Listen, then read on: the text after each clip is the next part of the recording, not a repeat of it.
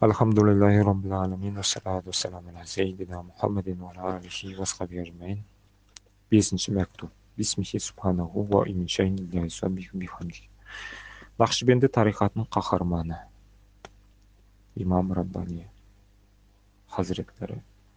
Нақшбенд тарихатының қаһарманы әрі сол тарихаттың жұлдыздарының біреуі имам Раббани радиаллаху анху өз мектубатында былай деген иман айхаттарының бір ғана мәселесінің түсінікті болуын иман айхаттарының бір ғана мәселесінің түсінікті болуын мыңдаған рухтың зауқы мен кереметтерден артық көремін деген. Мыңдаған рухтың зауқы мен кереметтерінен артық көремін деген. Тағы бір сөзінде бүкіл тарихат жолдарының соңғы нүктесі. Бүкіл тарихат жолдарының нәтиже соңғы нүктесі иман айхаттарын түсіну және солардың ашылуы деген да. Басқа бір жерде және де былай деген әулиелік үш түрлі болады. Біріншісі кіші әулиелік уәлаяты суғра бұл кәдімгі әулиелік. Екіншісі орташа әулиелік уәлаяты уста дейді оны. Үшіншісі ұлы әулиелік уәлаяты кубра дейді үлкен әулиелік. Ұлы әулиелік бұл пайғамбарлыққа ізбасар болу жолымен. Яғни тарихаттың машақатты жолдарынан өтпей ақ бірден ақиқатқа жол ашу. Тарихаттағы сияқты жаңағы жер астына кіріп үңгірге тығылып қоғамнан жырақта қалып нәпсісін жинап қинап машақатқа салып ондай жолға кірмейді да пайғамбарлыққа ізбасар болу жолымен бірден ақиқатқа жол ашу және де тағы да былай деген екен. Бұның бәрін айтып отырған кім? Имам раббани хазіретлері тағы да былай деген. Нақшбенді тарихатында екі қағиданы бекем ұстап жүру керек. Екі қағиданы көрсетеді енді бірінші иман айқаттарына шын жүрекпен сену. Екінші діни парыздарды орындау арқылы болады. Осы екі нәрседе кемшілік болса ол жолмен жүре алмайды. Нақшбен тарихатында жүре алмайды. Ендеше нақшбен тарихатындағыларға үш түрлі міндет жүктеледі. Біріншісі ең үлкені тікелей иман айқаттарына қызмет ету керек екен. Имам раббаниді өмірінің соңында осы жолға түскен. Екіншісі діни парыздарға және пайғамбарымыз саллаллаху алейхи уассаламның көркем сүннетіне тарихат жолы арқылы қызмет ету.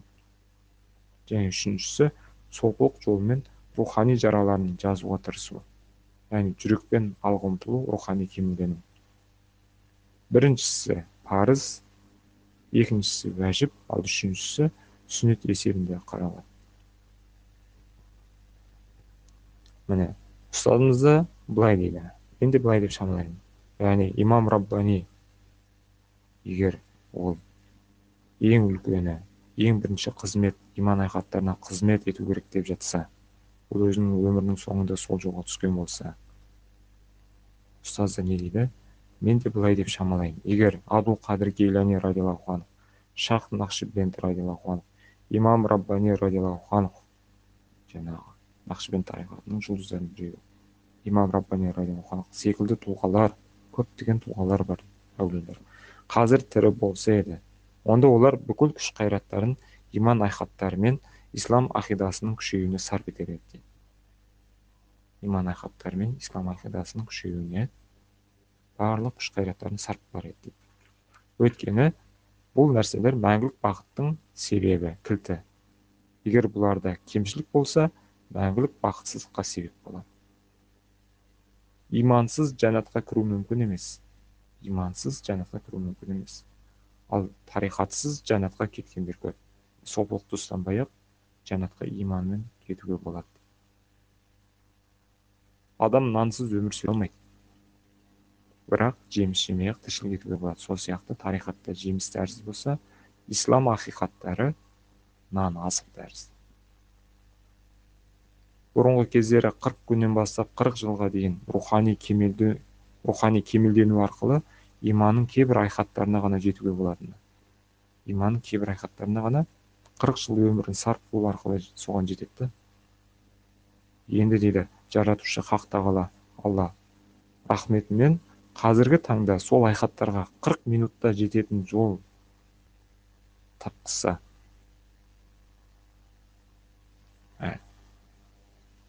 оған мән бермеу немқұрайлық таныту әлбетте ақылдының ісі емес. қырық минутта ескіде қырық жылда жететін нәрсеге қырық минутта жеткізуге сондай бір жол болса оған мән бермеу немқұрайлық таныту әлбетте ақылдының ісі емес міне ана кітаптар 33 сөзде. Құранның айқаттары арқылы осындай жол ашқанын мұқият оқығандар анық байқайды. Бұл рас. Ендеше құранның сырларына қатысты жазылған мына кітаптар сөздер қазіргі заманның рухани жараларына ең шипалы дәрі ем. Және дінсіздік шабуылына душар болған ислам әлеміне қалқан ең пайдалы нұр сондай ақ адасушылық батпағында дағдарып қалғандар үшін ең сенімді жолбасшы екендігіне сенемін. Егер адам білімсіздігінен адасып жүрген болса оның жөнге келуі оңай да оның тура жолға түсуі оңай. Ал егер білімді болса оқыған болса көзі ашық болса ондай адам адасып жатса оны жөнге келтіру қиын.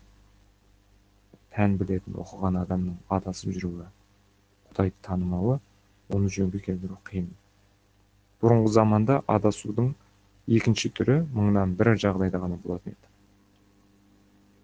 Мыңнан біреуі ғана сол оқыған білімді сондай болатын.